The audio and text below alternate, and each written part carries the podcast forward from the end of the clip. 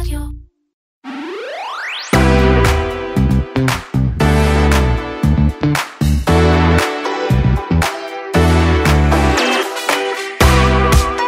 ל-NSO נגמרו סוף סוף המקומות להתחבא בהם אחרי שמחלקת הסחר האמריקאית שמה אותה וגם את קנדירו הישראלית ברשימה שחורה של חברות שמזיקות לביטחון הלאומי של ארה"ב. מה זה אומר מבחינת החברות ומה זה אומר מבחינת תעשיית ההייטק בישראל והאם יש כאן שינוי תפנית ביוקרה של התעשייה המקומית. השבוע שעבר היה שבוע מאוד קשה למשתמשים ישראלים מבחינת פרטיות אחרי הפריצה האולי איראנית אה, לשרתי חברת סייברסרב. נדבר עם ההאקר נועם רותם על מה אפשר לעשות אחרי שדלפו הפרטים שלנו לרשת. ספוילר, היינו צריכים לחשוב על זה לפני זה. אתם מאזינים לקוקיז, פודקאסט ההייטק והטכנולוגיה של כלכליסט. אני עומר כביר. אני שירלי זינגר. מתחילים.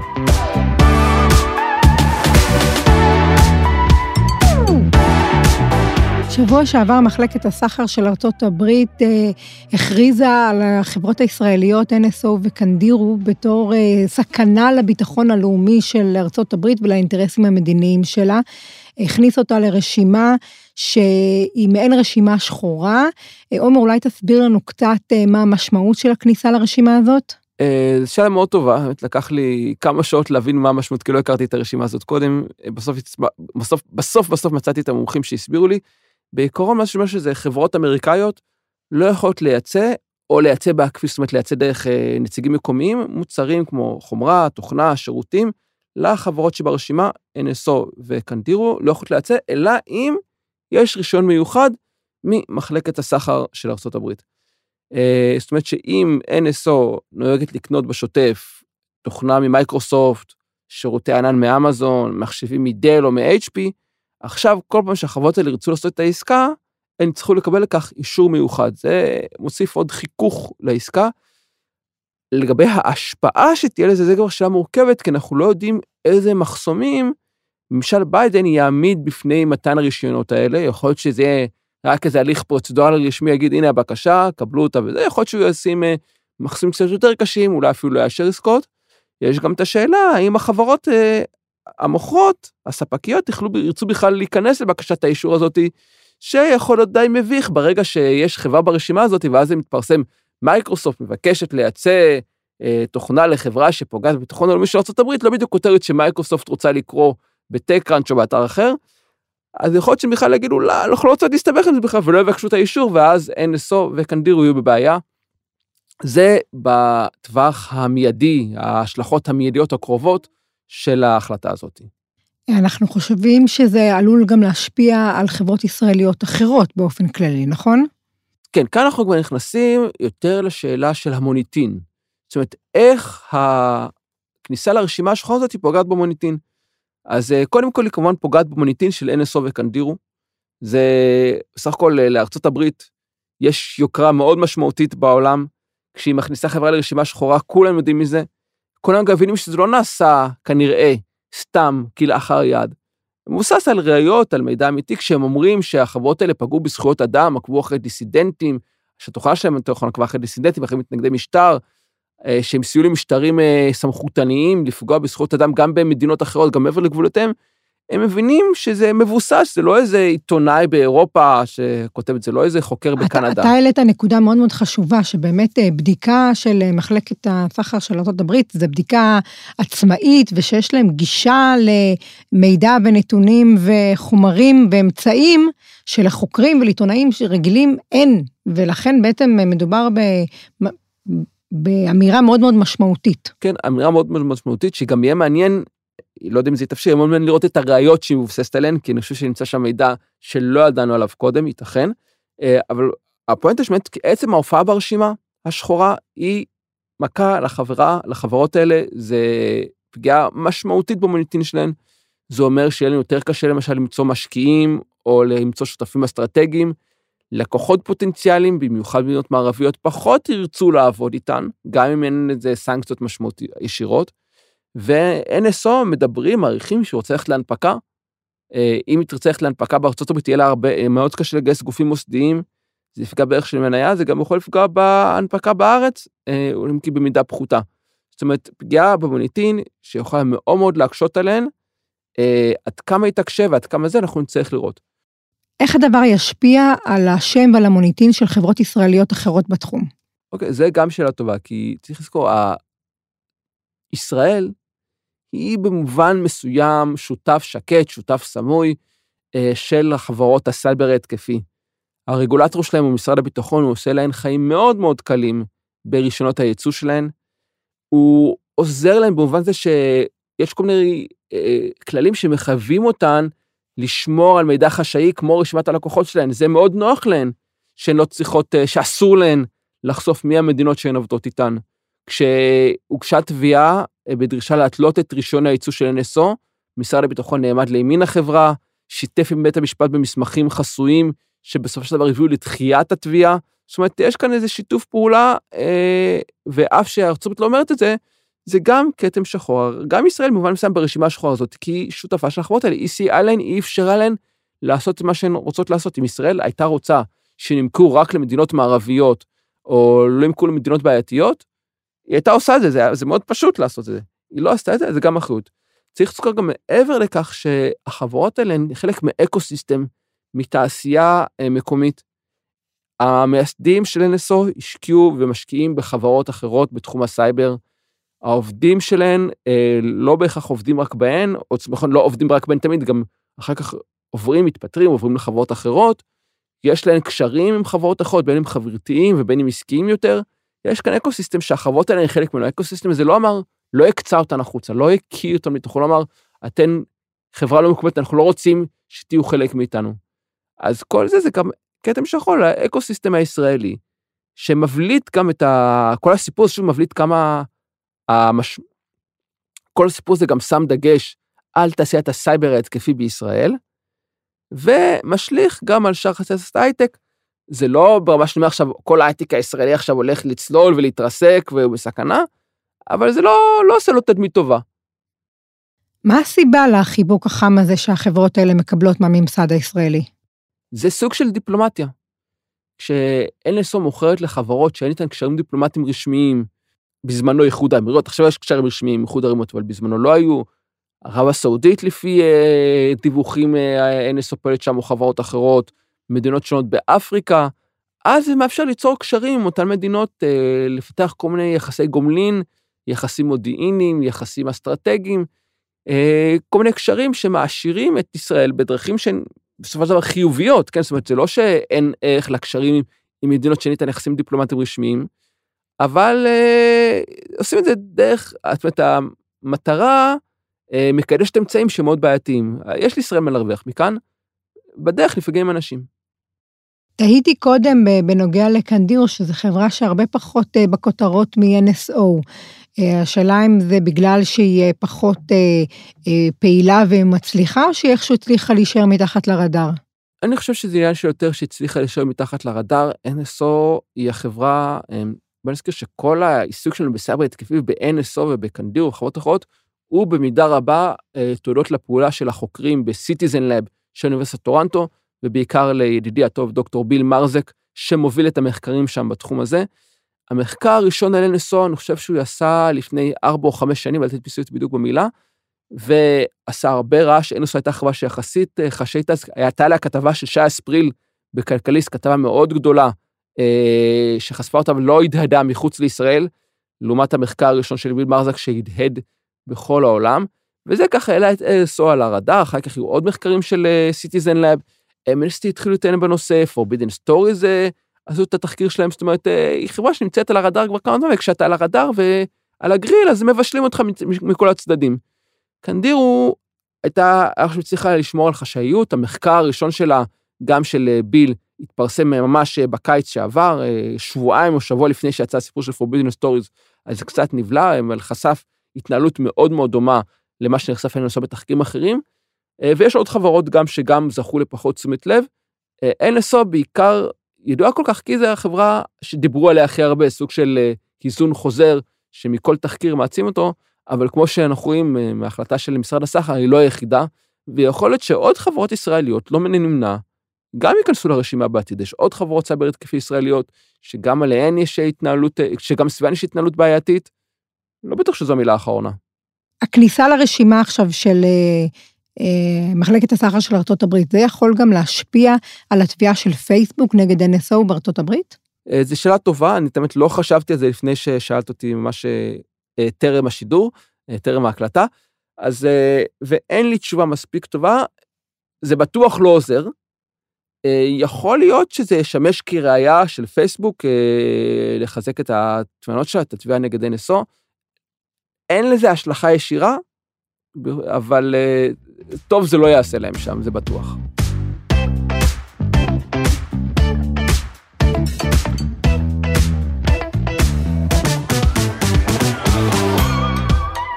טוב, שירלי, היה שבוע מאוד מאוד עגום לפרטיות ואבטחת מידע בישראל, אחרי שהשרתים של סייבר סרב נפרצו על ידי האקרים לכאורה איראנים, אנחנו עדיין לא ראינו ראיות לכך, ופרסמו, הדליפו, חשפו מידע מאוד מאוד מאוד רגיש שהרבה ישראלים, בפרט מידע על גולשים ומשתמשים באתר הקריאות הלהטב"קי אטרף, וגם של לקוחות אה, המכון הרפואי, מכון מור, רשת מכונים רפואיים, ועוד מידע רגיש כהנה וכהנה. מספרי דרכונים של ישראלים. מספרי דרכונים, מעט פרסם רשימות של אנשים שסימנו את עצמם כחיובים ל-HIV, כל מיני דברים שאת לא בדיוק רוצה שיצאו החוצה, אם את רוצה שיצאו החוצה, את לא רוצה שיצאו החוצה בצורה כזאת.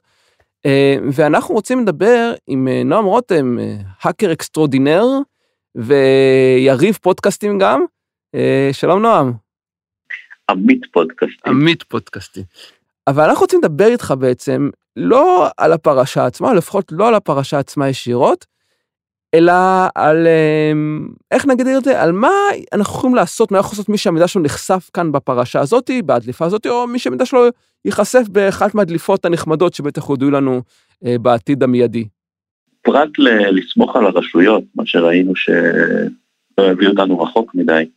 הטייק העיקרי מכל הפרשה הזאת זה שאנחנו צריכים לסמוך על עצמנו, אנחנו צריכים לדאוג להיגיינת הרשת שלנו, וזה אומר להגן על עצמנו, להגן על המידע שלנו, לא לחשוף מידע שאנחנו לא צריכים לחשוף במקומות שהם לא צריכים להיות פה, וזה תהליך, זה לא משהו שאפשר לעשות ביום אחד, זה לא משהו שאפשר uh, לפתור uh, ברגע, זה פשוט אימוץ של הרגלים נכונים של התנהלות ברשת.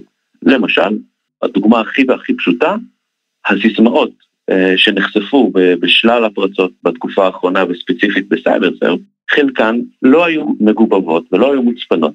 וכל מי שעכשיו יש לו גישה לסיסמאות האלה, במידה והשתמשתם באותה סיסמה אה, גם שם וגם לאימייל שלכם, פתאום האימייל שלכם פתוח, ומהאימייל שלכם אפשר להגיע לחשבון הפייסבוק שלכם, ולחשבון הטוויטר שלכם, ולקופת החולים, וללכת לבנק, להגיד שכחתי סיסמה, ופתאום כל החיים שלכם פתוחים.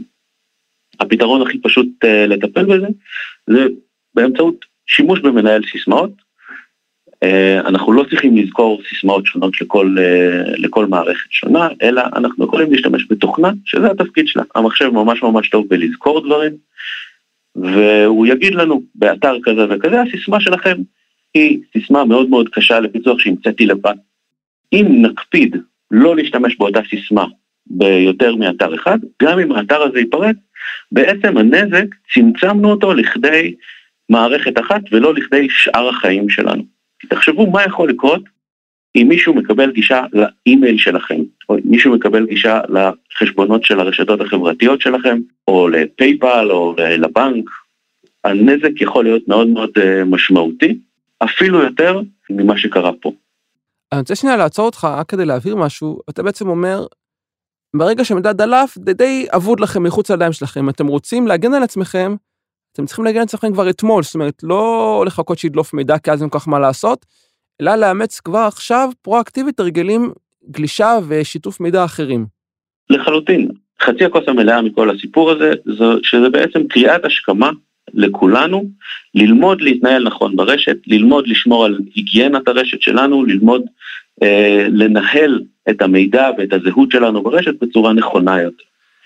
אה, עכשיו זה אולי קצת אה, חצי הכוס העצובה, אבל בהחלט אם ניקח אחריות ונתחיל אה, להתמודד עם הדברים האלה בעצמנו ולא לסמוך רק על אחרים, זה בהחלט יכול לצמצם את הנזק מדליפות אה, עתידיות שבוודאי יקרו. כן, אבל אתה, אני רוצה, מקרה כאן, אה, במיוחד של אטרף, הוא יוצא דופן, כי אטרף זה אתר שעצם זה שאתה חבר בו, או משתמש בו, כבר חושף עליך מידע מאוד אישי רגיש, זאת אומרת שאתה לא, כנראה לא גבר או אישה סטרייטים, כנראה. סיסג'נדרים סטרייטים. אז מה אתה יכול לעשות במקרה כזה, נגיד לא להשתתף, לא ללכת לאתר היכרות, לא להכיר אנשים? זה לא שאתה יכול היום ללכת, לא יודע, לפאב עם אנשים עדיין עושים את הדברים האלה ולהכיר שם אנשים, לא יודע איך אנשים מכירים עם אנשים אחרים. אז זה מקרה מאוד מיוחד, כי גם נגיד נכנסת, נתת מידע מינימלי, השתמשת בסיסמה מיוחדת ואישית ורק לאתר הזה ומורכבת שלא קל לפצח אותה, וכמעט לא נתת שום דבר, עדיין ברגע שהרשימת המשתמשים של האתר נחשפה, אכלת אותה. זה נכון, אה, ופה אנחנו יכולים לעשות כמה דברים. דבר ראשון, אולי לא לתת את הזהות האמיתית שלנו לאתר מקומי, לאתר שלא בהכרח חייבים לתת לו זהות אמיתית. אולי לפתוח איזה תיבת מייל יהודית, אולי לתת איזשהו כינוי. אין חובה להזדהות באמצעות תעודת זהות, ולכן אין סיבה, בעצם אם יש לנו איזשהו חשש אה, שזהותנו תיחשף, אין שום סיבה לתת את זהותנו האמיתית. ואם באיזשהו שלב נפגוש שם את אהבת חיינו ו- ונרצה להיחשף, אפשר תמיד לעשות את זה באמצעים אחרים. זה דבר אחד.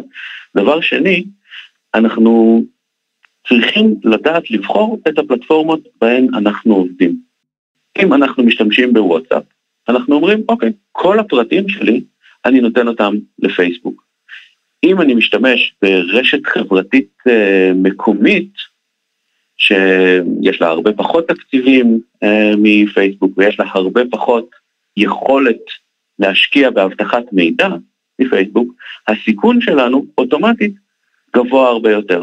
עכשיו, אני מניח שיש אלטרנטיבות אה, לאטרף, בחברות אולי אה, גדולות יותר ו- ועם טרק רקורד קצת יותר טוב אה, בכל מה שנוגע לאבטחה ואולי יש להם uh, privacy policies, uh, מדיניות פרטיות uh, והצהרות חוקיות ואיזשהם אישורים על בדיקות אבטחה שהם עשו.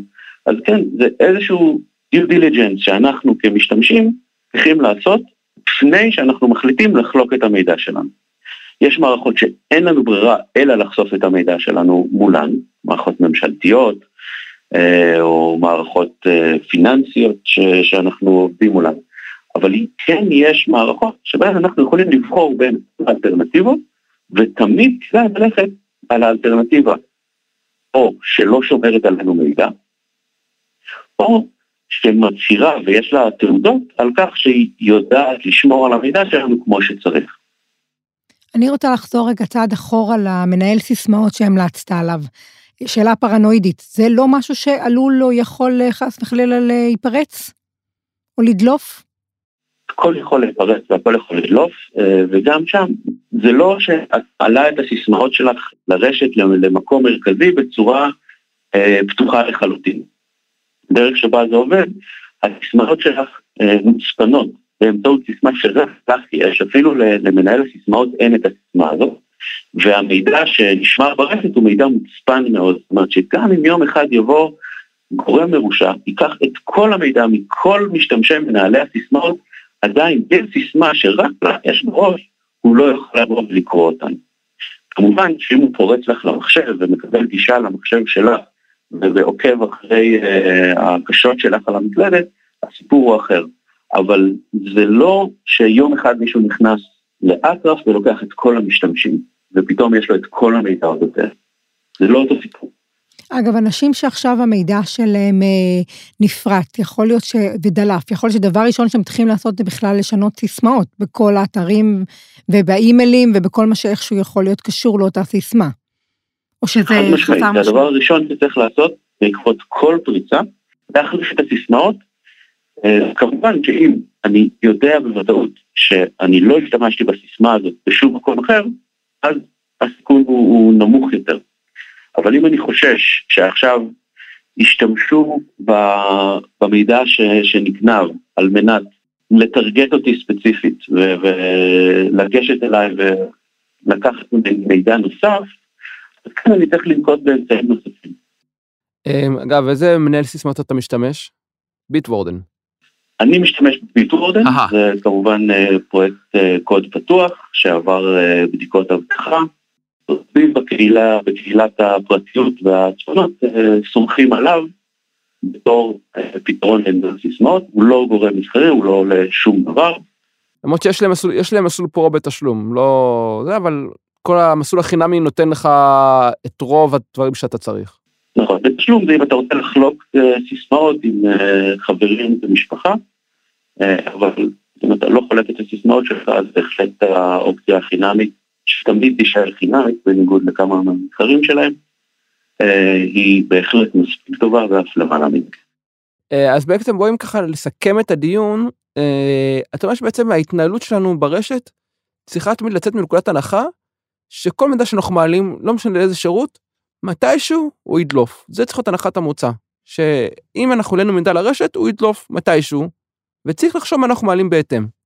בהחלט, ו- ולכן גם אנחנו צריכים לחשוב שבע פעמים לפני שאנחנו שולחים uh, תמונות מביכות שלנו למכרים uh, ברשת, האם זו תמונה שהייתי רוצה שתופיע uh, באינטרנט.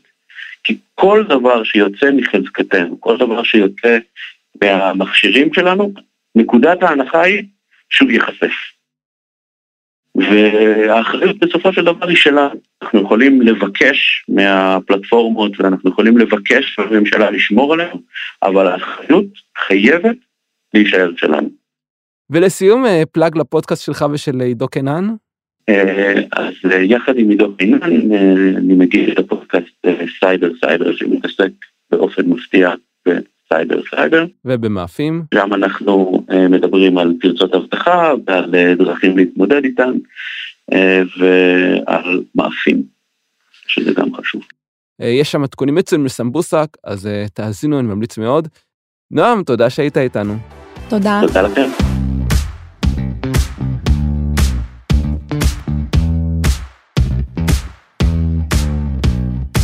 ומהקוקיז לקוקיות של השבוע, עומר, מה הקוקייה שלך? טוב, אז הקוקייה שלי זה הסדרה החדשה של סטאר טרק, סטאר טרק Prodigy, סדרה חדשה מאוירת של סטאר טרק מבית ניקלודיאון. אני קיוויתי שזה תהיה סדרת סטאר טרק שאני אוכל בכיף לראות אותה עם הבן שלי, בן חמש וחצי, שאני אוכל שתהיה סדרה שעושים אותה לילדים, אבל בואי, the shit is dark, כאילו זו סדרה אפלה, אולי הסדרה הכי אפלה של סטאר טרק, כאילו בתמות שהם עוסקים שם, ויש שם...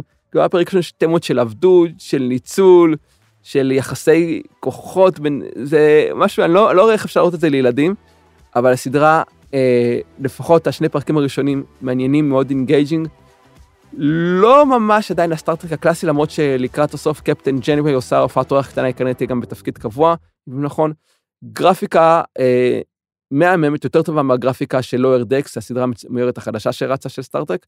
אה, אז שווה לבדוק אותה, אה, מי שאוהב סטאר טרק, וגם מי שאולי לא אוהב, אולי כאן דווקא תגלו, uh, תתחברו ליקום הזה, כי באמת היא, היא פחות סטארט-טרקית קלאסית של הפדרציה עם המדים והספינה והקפטנים, מתחילה במושבת כלא בכלל, בגזרת דלתא, אז שווה לבדוק. ועוד המלצה קטנה, אני רק אתן, שסדרה שממש חזרה לשידור, הייתה עונה חדשה בנטפליקס השבוע של ביג מאוף, הסדרה המאוירת uh, על... משברי התבגרות בקרב טינג'רים, גם סדרה, אז גם שווה, מי שלא ראה את, חושב כבר שלוש עונות עד עכשיו, זו עונה רביעית, אז מי שלא ראה, שווה, כי סופר מצחיקה וסופר רגישה וסופר אינטליגנטית. זהו, ולא זהו, כי עכשיו תורך, שירלי, הקוקייה שלך. אז הקוקייה שלי היא המלצה משולבת וגם צופה פני עתיד. לפני כשנה וחצי עשה ספר ישראלי של אוריאן צ'פלין, שנקרא ארבע שעות ביום, הוא מביא מונולוגים של אימהות מהחינוך המשותף בקיבוצים, מספרות כל אחת מהזווית שלה, איך היה לשים ילדים בבית ילדים, איך הם התמודדו עם זה, יש שם נשים משנים שונות, מתנועות קיבוציות שונות ועם גישות שונות למה שהיה ואיך זה היה בשבילן. אני חושבת שזה... ספר חזק ביותר, לא רק ליוצאי קיבוץ, יש שם באמת חוויה אנושית חזקה ביותר. מה שקורה עכשיו זה שהדבר הזה קיבל חיים המשכים משל עצמו. אוריאן צ'פלין כבר עשתה שני ערבים, אחד בחיפה עם חמי רודנר ועם רגב הרוש, שהוא גם סופר יוצא קיבוץ, שהוא גם חבר ילדות של צ'פלין, והם מספרים הרבה דברים גם על הילדות שלהם. אה, השבוע שעבר היה בתל אביב בצוותא ביחד עם הזמרת בת הקיבוץ חן רותם. הם מספרים גם על תהליך הכתיבה וגם על חוויות מהקיבוץ. אה, אני חושבת שיש סיכוי שהדבר הזה ימשיך אה, להתקיים, אולי בצוותא ואולי במקומות אחרים. והצופה פני עתיד, בין היתר, זה שבכאן עובדים ביחד עם צ'פלין על סרט דוקומנטרי, שיהיה גם כן המשך של הספר שלה, ונשמע שיש למה לצפות. אה, אלה ה cookies והקוקיות שלנו לשבוע, תודה שהייתם איתנו, אני עומר כביר. אני שירלי זינגר. תודה לאופיר גל מסוף הסאנד סטודיוס, ואם אהבתם חפשו אותנו באפל פודקאסט, בספוטיפיי, גוגל פודקאסט, או איפה שאתם שומעים את הפודקאסטים שלכם וירשמו אלינו, להתראות בשבוע הבא.